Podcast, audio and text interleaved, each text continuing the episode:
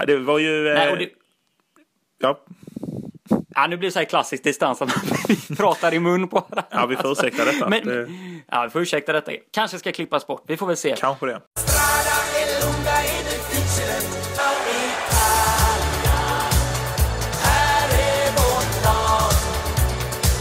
Då säger vi hjärtligt välkomna till Francesco Lodi-podden avsnitt 41 här i höstmörkret med mig Lukas Sjögren och Fredrik Addison. Hur är läget? Jo, men det är fint. Det är fint. Vi eh, coronasäkrar ju lite det här avsnittet och eh, kör på distans helt enkelt. Eh, för, eh, våra, för båda säkerhet i detta, detta Ja, kritiska läge. Det är just nu... Eh, Precis, vi ska väl säga att ingen av oss har symptom, utan det är väl... eh, nej. Nej, Nej, men just, just en säkerhetsåtgärd kanske främst och ja, även att våra scheman krånglar lite om vi också ska ja, om man ska vara ärlig. bekänna oss också. Så att, eh, ja, men vi, vi, eh, vi har båda de två eh, olika aspekterna i beaktning nu när vi helt enkelt spelar in på, från varsitt håll. Ja, men precis så är det. Ehm, ja, och vi eh, kastar väl oss över. Sist ni hörde oss så var det två veckor sedan. Det var ju landslagsuppehåll här förra veckan, även om det inte var, var någon paus i eh, fotbollen. Men eh, avsnittet innan eh, det hade vi en stor uppsnackning inför eh, derbyt eh, på Sicilien mellan Catania och Palermo som ju blev ett hejdundrande derby, får man ju säga. Ja, men det blev det ju verkligen en riktig fest som ju livesändes även på eh, italienska rikskanalen där RAI. Ja, just det. Och på eh, YouTube på svenska. Ja, på Youtube fick ju också det att det var den stora matchen den måndagen då att det hade varit ligahelg och alla stora ligor hade ju redan pausat då på söndag för att skicka iväg sina lag till landslagsspel. Så det var väl Hamburg mot Kiel eller någon sån här match och så var det då Sicilien-derby som var de heta matcherna den kvällen. Så det var nog ändå ganska många som hittade till den, till den matchen. Det får vi ändå hoppas. Jag satt ju, eh, jag satt ju klistrad framför Ja, datorn. ja jag, jag, satt klistrad till och från ska jag säga. Jag hade det, hade det uppe hela tiden men eh, hade tyvärr lite annat jag var tvungen att stå i där. Men eh, ja, en härlig match som slutade i kryss. Mm. Får man ju säga. Ja men verkligen, det var ju en eh, riktig, eh, riktigt fin match och när man ser de här lagen möta varandra så, så är det ju såklart så att man känner att eh, man har ju verkligen saknat att se det här mötet och, och det här derbyt och eh, matchen i sig var ju, det var ju en trevlig historia med eh, med två helt olika lag där Palermo ju gick in med en riktigt eh, sargad trupp får man ändå säga där eh, verkligen. man bara hade var, tre avbytare till matchen. Vilket Ja, ja, såklart men så- gjorde deras utgångsläge betydligt sämre. Ja, precis. Jag tror till och med de bara hade en avbytare om man ska vara ärlig. Eh, enligt vissa Så uppgifter. Så att, eh, ja. Gjord, ja, exakt. Man gjorde ju inget byte under hela matchen. Man körde med de 11 man som startade matchen och det var senegalesen Kanoté som gav ledningen till Palermo i den 15 minuten. Eh, innan eh, då eh, Catania kvitterade i 80 minuten genom eh, en eh, härlig lobb av eh, Pecorino där. ja, just det. Den lilla Östen som vi även kallar honom. Eller, nej, det vet jag inte. Men, eh, ja. Pecorini-Östen är ju tre. Ja, eh, vi ska inte fastna i det. Exakt. Men, eh, ja, Nej. Ja, Catania valde ju ändå att justera laget en hel del och efter matchen så var det ju märkbart att tränare Raffaele var väldigt missnöjd med utgången i den här matchen och det är ändå förståeligt i och med att man ju med ingångsvärdet då av att Palermo bara hade en avbytare Ja, eh, men- borde ha rott segern i hamn och eh, borde ha bärgat där även om det var på Renzo Barbera.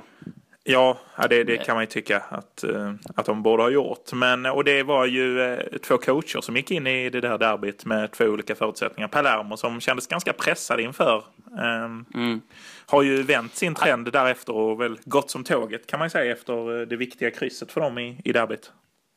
Ja, du var ju inne på det att eh, i avsnittet med David Berg, det här specialavsnittet inför derbyt att skulle nu eh, Palermo förlora derbyt så ryker nog Buscalia. Men det här blev ju istället någon form av katalysator till ett eh, vinnartåg när man följt upp med tre raka segrar mot Juve Stabia borta, Paganese hemma och eh, Potenza hemma. Så det här gav ju troligtvis väldigt eh, mod i eh, laget och eh, ja, helt, man fick en boost antagligen av det här och ja, det, så, så kan det också gå ibland. Att Ja, man kanske precis. ska vara verkligen på botten och så får man vända och så kommer man igång kanske av det.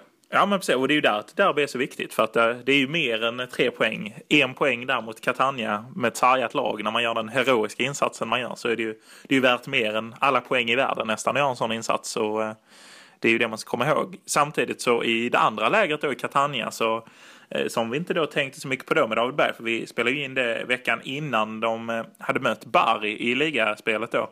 Eh, tror jag, om jag inte missminner mig. Eller nej, de hade nog precis mött Det stämmer. Eh, ja. Det stämmer. Eh, och eh, det man kan se då på Catanias utveckling var ju faktiskt att sedan de slog Virtus Francavia den 18 oktober så har de förlorat mot Tanana med 3-1, förlorat mot Bari med hela 4-1, kryssat mot Palermo för att sedan förlora mot Teramo med 1-0. Och eh, sen spelade man då i eh, onsdags här, igår blev det väl när vi publicerade det här, alternativt Ja, den i 18 förrgår. november. Precis. Ehm, precis. Mot Vibonese och där man eh, Ja. där ett eh, viktigt 2-0 mål av just nämnde Osten Pecorino eh, Ja. Eh, ja, var det vägvinnande målet till en eh, 2-1 seger. Och, Precis, och eh, det, det var ju kanske nästan det som räddade kvar eh, Rafael här kändes det som, för det var en ganska negativ eh, trend inför. Eh, Ja, men en väldigt negativ trend och eh, när vi gick in i, i, inför derbyt här så eh, var det ju spri, spridda skurar mellan de här Mm. två lagen där Catania eh, hade chansen att haka på eh, toppstriden och Palermo låg ju eh, riktigt risigt till. Nu ligger lagen i detta nu efter nio spelade matcher var 10 respektive 11 på båda på 12 poäng. ja, och samma målskillnad, minus två, och samma inbördes Och det, då. och, och det är någonting man i Catania-läge måste tycka är extremt surt. Ja, ja, men det är det ju.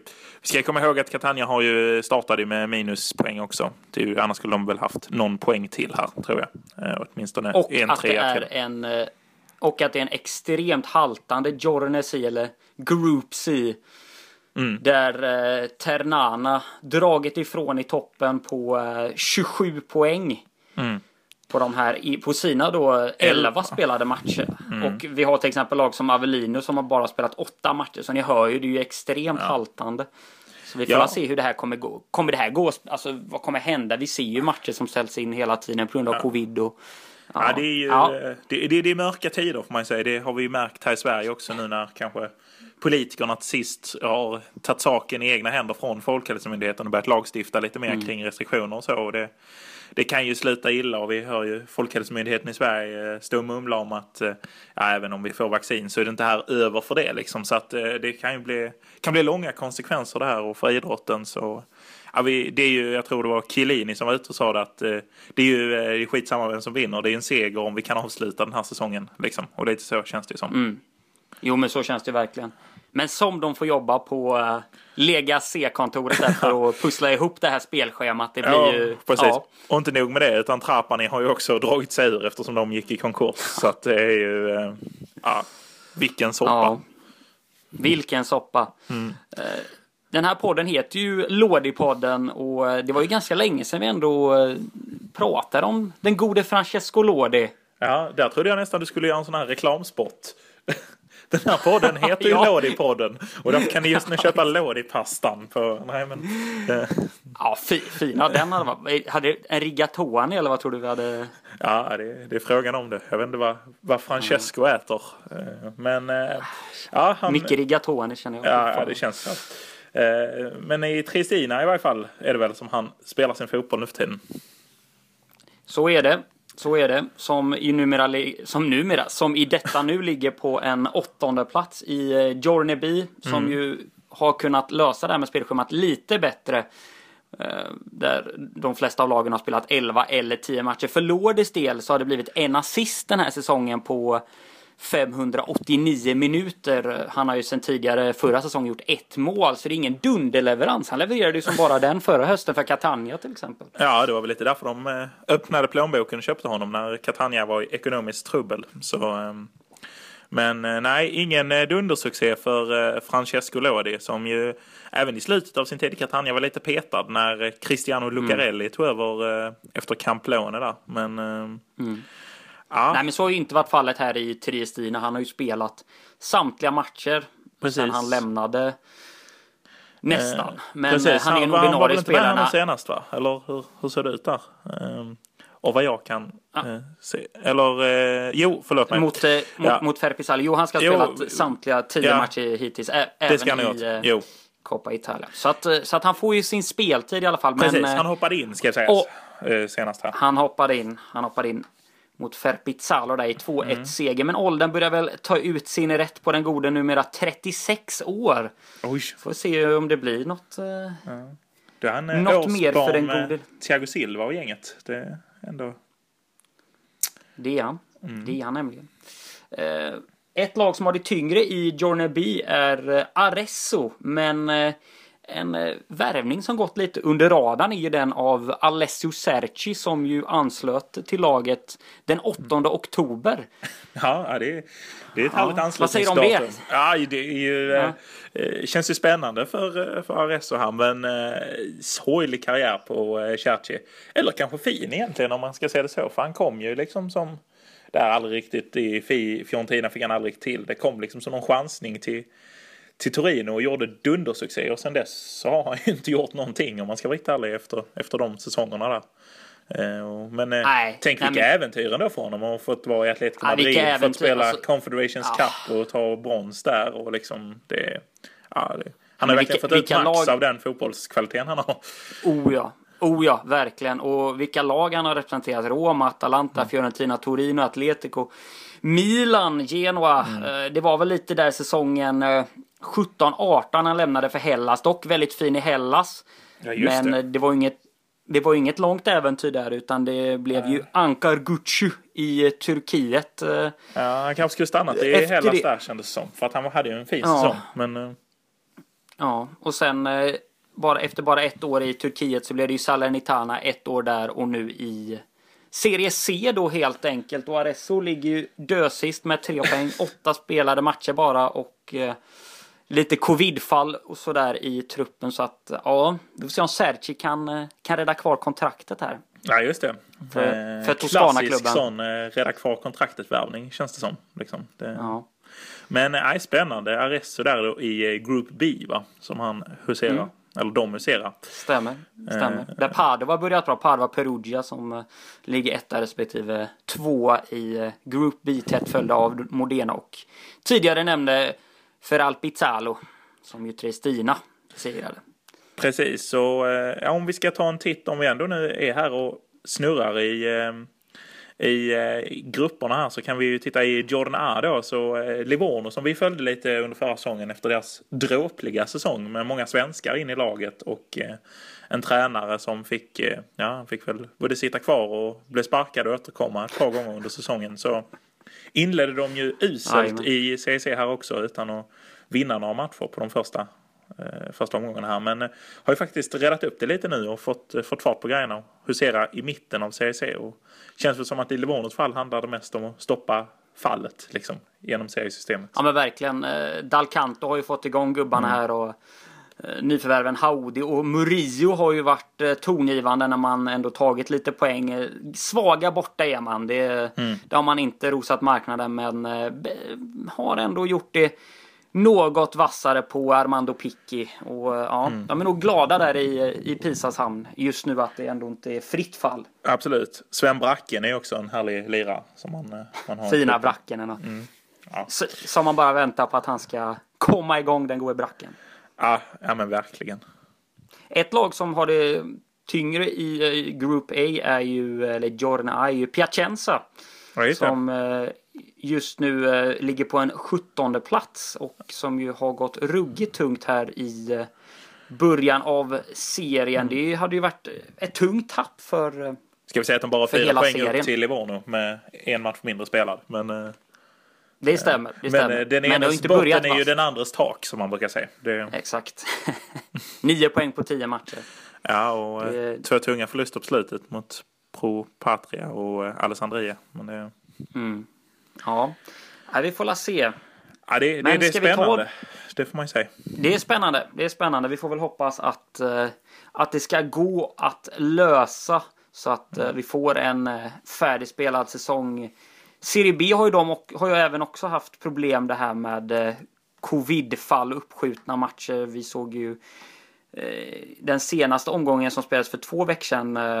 Så fick till exempel Pisa och Ascoli sin match uppskjuten. Det spelades ju en hängmatch Mm. mellan eh, Virtus Entello och Venezia som Venezia vann med 2-0. Men den behöver vi inte lägga så mycket fokus på. Eller har du något från den?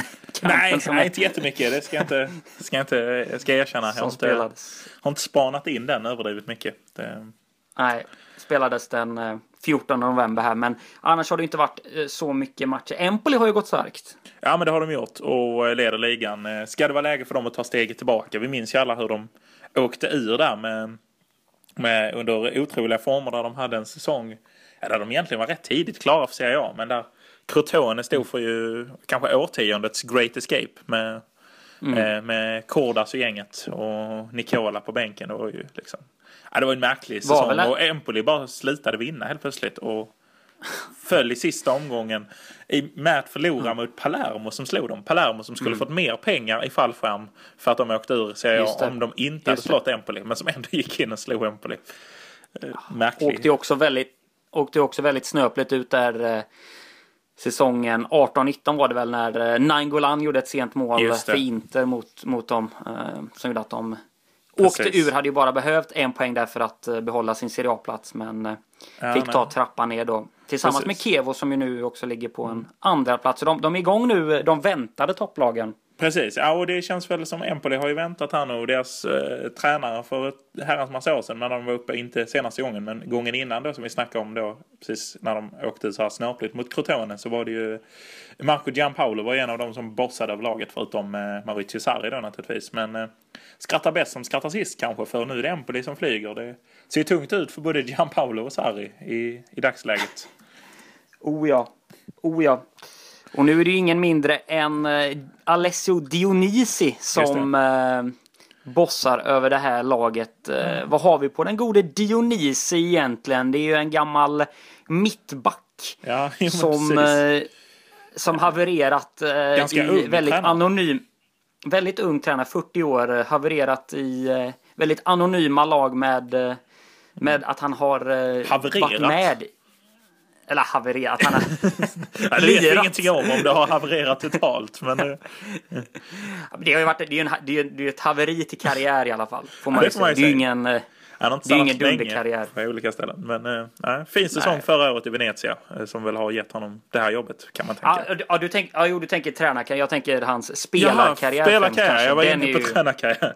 Ja, det är Ja, ju ett nej, haveri det- utan dess like. Det är lite samma där. Det är mycket hoppiga klubbyten.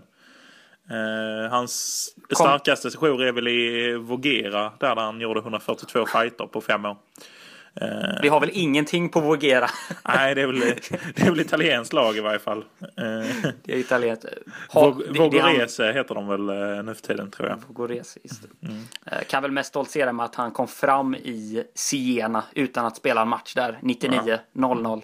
Precis. Och la sedan eh, skorna på barken eh, i Olginatese mm. säsong 2014. Sen tränarkarriären, absolut. Eh, Det har varit lite anonym.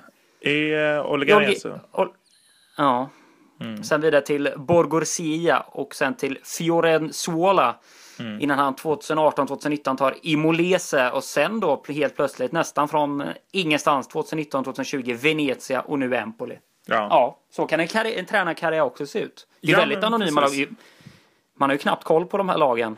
Nej, och det visar ju också att det är bara för att man inte har varit världens bästa eh, spelare så kan man ju fortfarande ha chans att bli en bra eh, fotbollstränare. Och eh, det verkar ju onekligen vara eftersom att han verkar ha varit hyfsat eh, uppskattad i eh, Vicenza även om det inte är någon superstatistik skulle inte jag säga med 13 segrar, 14 kryss och 13 förluster. Men eh, Nej, han vinst- har ju en vinstpro- vinstprocent där på 32,5. Det är väl, ja, ja, men det är väl eh, som det är. Precis, men man ska också väga in att det är just Venezia och inte något annat lag. Så att Ja. det är väl, eh, eh, Empoli har ju sett något och där är vinstprocenten 77,78. Och med en sån vinstprocent så stormar man ju mot Serie A. Det, Det gör man och det är ju, det är ju ruggigt fint och det är ju det är kanske det ett Empoli behöver en sån här typ av eh, tränare. Eh, Lite nytt färskt blod sådär, lite ungt blod. precis, Som lite kan, fräscht. eh, Ja, som kan, eh, kan, kan få igång den där eh, fina spelartruppen att prestera. Och vi får la se. Det ser ju onekligen bra ut nu just nu i alla fall. Ja, gamle, gamle Fio-talangen var Ridor Matos på topp. Brassen som aldrig riktigt blev något. Eh, Precis. var väl precis. många år i Udinese också en hel del utlåningar till det ena och det andra laget.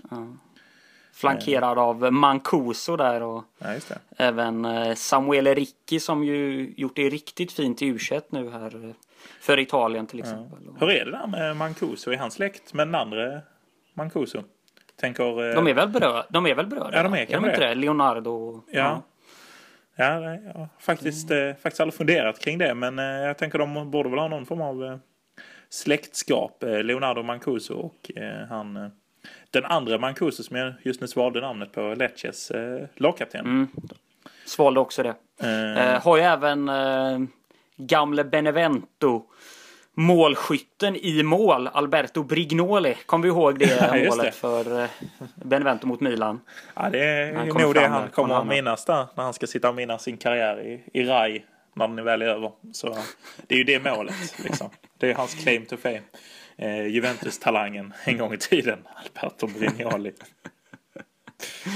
Han behöver inte betala för någon grappa i Benevento Nej. när han är där kanske. 29 bast nu ändå. Det är hemskt vad tiden går. Mm. Men eh, spelade ju Palermo förra säsongen. Eh, nej det gjorde han inte. Det var förra, förra säsongen var det väl.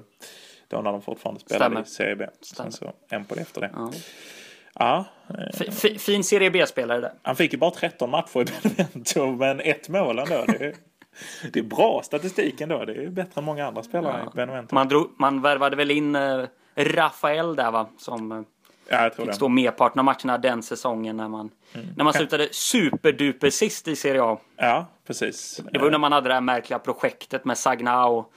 Eh, Sandro kom väl in också. Eh, gamle Tottenham är det väl. Eh, Ja. Mittfältaren. Vi ska inte stanna där allt för Nej, länge. men det var väl lite, ny- ett sånt projekt som om man spelar, själv spelar Fifa. Liksom. Man tar de namnen som är uppenbara. Liksom, sköna namn. Det, ja. Gä- gäll- Gäller att få in liksom en spelare som har en viss overall stats även om han kanske är över en, sin bästa ålder. Men han har ändå statsen så får man hoppas på det bästa helt enkelt. Lite så med de två spelarna Eh. Man fick han billigt liksom. Man fick han billigt. Ja. Ja, det, det gick ju inget vidare det där eh, projektet. Eh, Även Serie B ska, ska gå in i framtiden. Man har gått ut här med att från och med den andra halvan av säsongen så kommer VAR införas. ja. Tankar om det här?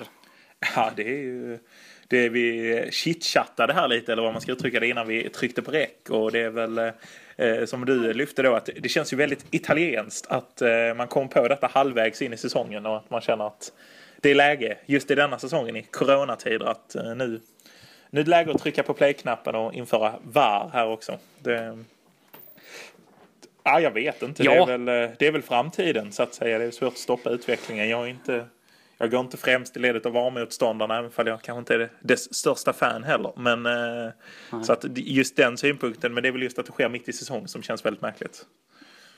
Ja, det är väldigt Serie B-skt och eh, Serie Bs president Mauro Balata har uttalat sig att det här är ett steg då mot att ta den här ligan mot en mer moder- i en, mo- att den här ligan ska komma in i en mer modern linje och eh, då främst för ligans partners och fans. Det Ja, det vet jag inte om alla kanske Nej. är eniga om. Eh, Precis. Moderna serie, serie B, det är inte... Smaka på det ordet känns ju inte... nej, det, modern och serie B ska inte vara i samma andetag och det är kanske inte heller det som är dess USP, just moderniteten. Så att eh, jag vet inte om man... Nej, och sen även att, att Balata då är ute och trycker på att det är fansen som också vill ha den här förändringen. Det är ju... Det är, nog Ja, inte, det är nog inte alla som skriver under på den motiveringen. Nej, man undrar ju vilka fans också. Det har ju inte varit de på läktarna som har skanderat var, var, var i varje fall. De har ju inte stått där inga ba-. Det är ju inga banderoller för var direkt på, på läktarna. Nej, så här, ni får gå in och sätta några banderoller här innan matchen så ni inte smittar spelarna och så de får hänga på tum ståplats. Vad tar ni upp? VAR-banderollen inför VAR nu. Eh. Liksom. En sån riktig kupp från, eh, från eh, Lega Serie B här då, förbundet Mm. att man helt enkelt sätter upp såna här banderoller på de olika läktarna.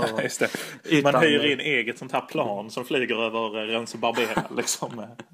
VAR. Forza, Forza VAR! Ja, just det. Avanti VAR! Ja, precis. Ja. Forza VAR, Viva Serie B. Liksom. Nej, ja. Få in Ja, lite men spanska. börjar hela- bli... börjar Ja. bli mer eftertraktat. Bara den här, om vi nu ska återgå igen då till tv-spelsvärlden och, och allt som rör den så eh, har ju eh, Serie B signade ju med eh, Pro, Pro Evolution Soccer det här året och försvann ju helt enkelt från eh, Fifa-tv-spelet. Och de har även förlängt det avtalet i någon form av maktkamp då där. Så att ja, det Väldigt finns kul också någon... att Serie A samtidigt samma säsong signade enbart med... Eh, förra säsongen så hade de signat både med Pro Evolution Soccer och Fifa men de har nu bara signat med Fifa. Så att, synken i Italien är ju otrolig. Man undrar vem som sitter på det där rätt, rättighets... eh, Ja, Hur, eller hur man snarare värderar de här olika Ja. rättigheterna där när man säljer dem. För att man har ju även med några lag då i så kallade världsliga då som, man, som finns Mm. fritt att spela med från Serie B. Monza, Brescia, Chievo, Empoli. Mm. Ehm, som vi lyfte för något avsnitt sen ju. Galliani som vi hade lyft redan har- luren till EA. Exakt, som vi ju redan har nämnt då. Men, men bara då för att när vi på tal om det här med moderniseringen av Serie B och, och statusen av Serie B, det här med VAR och sånt. Så det kanske ändå är något på gång. Ja, Kanske, kanske det. Vi får, vem vet. vi får se här vad som händer. Ja.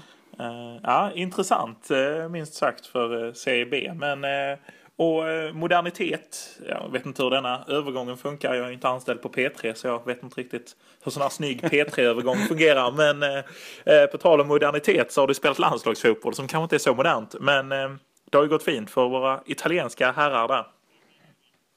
Det har det sannerligen. Två stabila segrar. Två 2-0 mot eh, Polen hemma. Och eh, mot Bosnien borta som gör att eh, man vinner sin Nations League-grupp eh, på 12 poäng, en poäng före Holland. Och, ja, det såg ju ruggigt fint ut eh, de här två matcherna för Italien som gjorde två riktigt bra insatser. Ja, det är nästan så att det ser lite för bra ut för att Italien så ska det ju inte se bra ut inför ett mästerskap. Man, eh, man har ju nästan fått upp lite gulddrömmar här nu med liksom det är väl Verkligen. med tanke på att Tyskland haltar och liknande så är det väl nästan det är Spanien emot och fransoserna naturligtvis liksom. Men annars så, så det, det luktar ju minst semifinal på det här italienska laget och då vet man ju att då kommer de ju ryka i gruppen. Det är ju tyvärr så det brukar sluta. Ja. Ja, men det som förvånar mest, eller som kanske inte förvånar, men det är ju att den här bredden man ändå har eh, levererar. Vi, ser, vi såg ju Locatelli lira fram till eh, Berardi. Riktigt läckert i matchen mot Bosnien senast här. Och man har gubbar från bänken som verkligen kan eh, göra skillnad. Och som gör skillnad också när de, när de spelar. Orsolini kommer in och gör det fint till exempel. Och, ja, Sådär och så att det, ja, men det är som du säger, det ser nästan för bra ut just nu. Bernadeschi är ju bra helt plötsligt också. Det, Ja, Synd att man inte kan ta med sig det till, till Juventus. Men det kunde behövts i Europaspelet där. Nej men ja precis. Ja. Och Florens är ju... eh, Men visst han är ju väl snart ordinarie i PSG. Så att det... Stämmer, stämmer. Får jag även lyfta Bastoni som gör två riktigt eh, fina verkligen. landskamper här. I Bonuccis nummer 19 var också som Bonucci Ja. hade uppmanat honom att ta. Ja, det känns som en härlig överlämning där. Och Bastoni har ju verkligen haft en spännande karriär från... eh, Det har ju gått fort får man ju säga med utlån till Parma som väl... eh, Han fick spela lite sådär under Parmas första återkomstsäsong i serien men han var inte ordinarie mittback. Eh, Men... Och sen så tillbaka till Inter när Conte tog över har väl växt in i det. Och är väl, får man- väl nu se som ordinarie där va? I mittlåset. Ja, ja men en bidragande orsak till att Godin fick flytta på sig och, och skeppas till Cagliari i och med att man tror så mycket på, på Bastoni och tycker Den- jag har varit riktigt bra här. eh, Precis. Den här 25 inledningen år så att han är ingen duvunge heller va? Utan... eh, Nej, är härligt när det, när det kan slå igenom på det sättet. Så att, eh, bra mittbacksbesättning Ja, i. Italien. Men en del av dem som kanske känt att de ändå ska få sitt mästerskap kanske får se upp nu för Bastoni. Tänker eh, vår kära vän Acerbi och liknande kan ju hänga löst Mm. i en mästerskaps... ja men verkligen. Verkligen. Det, det hamnar nog mycket om form i alla fall för Acerbis del. Romagnoli känns väl ändå Ja, kanske som att han, eh, han känns het där för att kunna precis. Och så har plats. vi ju ändå... Chiellini har ju inte lagt av än. Så kan han bara stå på benen så lär han vara med i en trupp i varje fall. Och Bonucci är väl har, någon form av lagkaptens inställning där. Så han ska väl vara med liksom. Så Ja. det, ja. Ja, exakt. Man har även laborerat med andra typer av formationer. Di Ambrosio som ju som är lite av... eh, ja, vad ska man säga? Han kan spela på vilken position som helst. En liten libero nästan nu för tiden. Mm. eh, Nu sa jag fel här om Bastoni. Han är född 99 och inte 95. Däremot har han 95 på tröjan så det var därför som jag Förutsatt att han var född 95. Eh, han är inte, det är en riktigt ung kille, han är bara 21 år gammal. Så att, eh, det får man säga har Ja. gått fort istället. Ja, Ja. Nej, men vi, vi har ju pratat mycket om det, om att många spelare är väldigt unga när de kommer fram och ja. Det, var även, det är ju även Bastoni då, även om precis. eh, man, man kan luras av tröjnummer och liknande. Ja. Vad fan, varför har man nummer 95 om man är född 99? Ja, ja det är stökigt. 99 var Det är väldigt kanske. stökigt. Ja. Så, Eh, så kan det verkligen vara.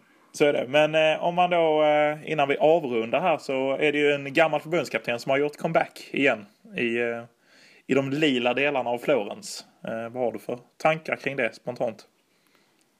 Tänker på... Nej, det känns ju väldigt... Ja, Prandelli, ja. Ja. Det känns ju ruggigt härligt att han har uh, återvänt den gode Cesare och eh, ja, många blir väl ganska nostalgiska, speciellt de som följer Fiorentina av det han ändå uppnådde i, i den klubben och tog dem ju verkligen upp till toppskiktet av uh, Serie A så att uh, Nej, det är nog väldigt många som är väldigt nöjda och jag tror att det kan bli riktigt bra också. Jag, Ja, han ärver ju ett ganska precis. fint lag. Ja, oavsett hur det går. Jag tänker att han kommer att lotsa dem så att de åker inte ur under honom i varje fall. Utan han, det är fortfarande en kompetent tränare på det sättet. Sen kanske inte han är the shit längre liksom. Men eh, jag tänker att han kan ju han kan ju nog lotsa dem igenom det. Och tänker, han är ändå 63 så förmodligen är det väl kanske hans sista uppdrag. Så det känns ju värdigt Mm. med tanke på att det är ändå en fin tränarkarriär med stora framgångar i Fiorentina och stora framgångar med Italien. Vi ska inte glömma det där EM-silvret han tog även om det gick.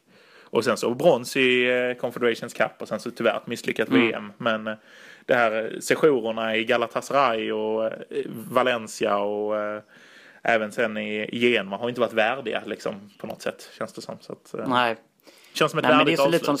som ett värdigt avslut och jag är väldigt svårt att se att Jacchini kommer tillbaka den här säsongen utan det- blir nog det blir nog Prandelli som eh, rattar det här laget nu eh, Fina till Beppen då. säsongens stäng.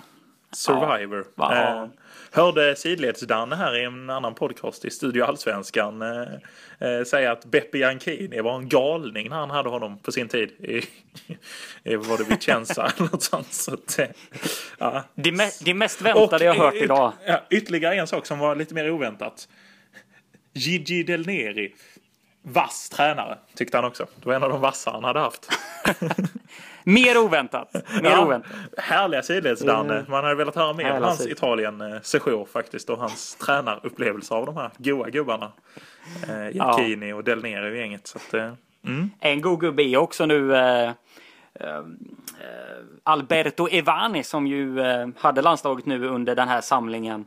Ja, just det. Eh, väldigt, eh, väldigt karismatisk coach och för detta fin spelare sådär som ju som ju man glömt av lite nu eh, i och med att eh, han inte är i fokus på det här sättet i vanliga fall i och med att det är Mancini som ju frontar eh, landslaget och han tar ju ändå ganska mycket plats. Han gillar ju, han gillar ju att stå framför intervjumikrofonen Mancini så ja, det var ju Ja. fint att se Ivani ändå och eh, ja, levererar ju riktigt fint under honom också. Precis. Ja, han kanske kände sig lite mer bekväm i rollen än Peter Wettergren som verkade svettas rejält i det svenska. Där. Kändes inte bekväm att ta rollen. det, största skillnaden mellan en svensk och italienare det är väl om man skulle se då är det Wettergren och Ivane där kanske då. Ja, ja, och man vet ju också att Ivani skulle han känna att spelet hackar lite. Då skiter han ju i vad Mancini säger andra sidan telefonluren. Ja, ja. Som sitter hemma och tittar på tv. Utan han tycker själv att han har bättre överblick ner vid planen och tar ju beslut. Nu tar vi ett byte. I Sverige så Mm, var det ju verkligen. så här avvaktade liksom så här. Var Janne skulle säga via tv-rutan. Så här, slänger in Quaison sista, vad sista kvarten. Liksom. Nu ska vi inte fastna i Sverige Ja. men det, ja. Nej, en tråkig grej är ju att de här lagen nu inte då kommer få ställas mot varandra i eh, Nations League då framöver i och med att Sverige Mm. åkte ur. eh, Trist.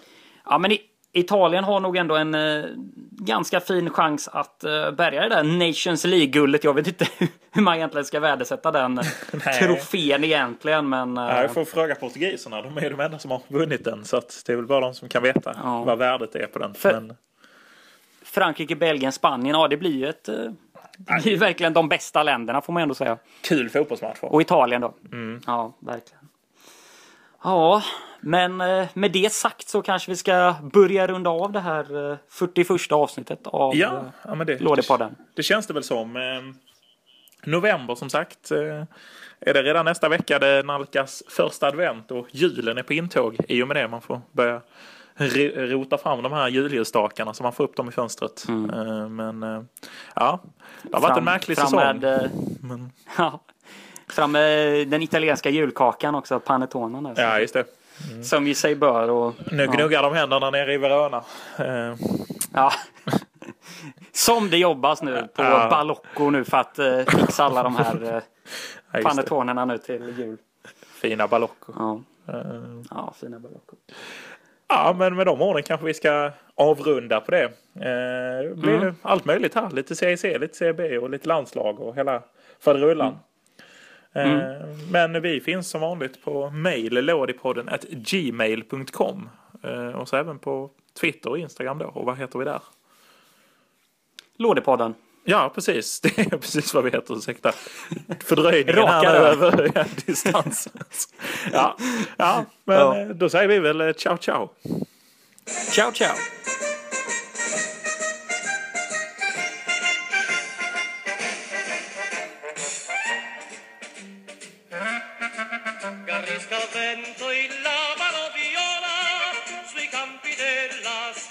E valore. Una speranza ci consola. Abbiamo un atleti e un solo cuore. Oh Fiorentina, di ogni squadra chi.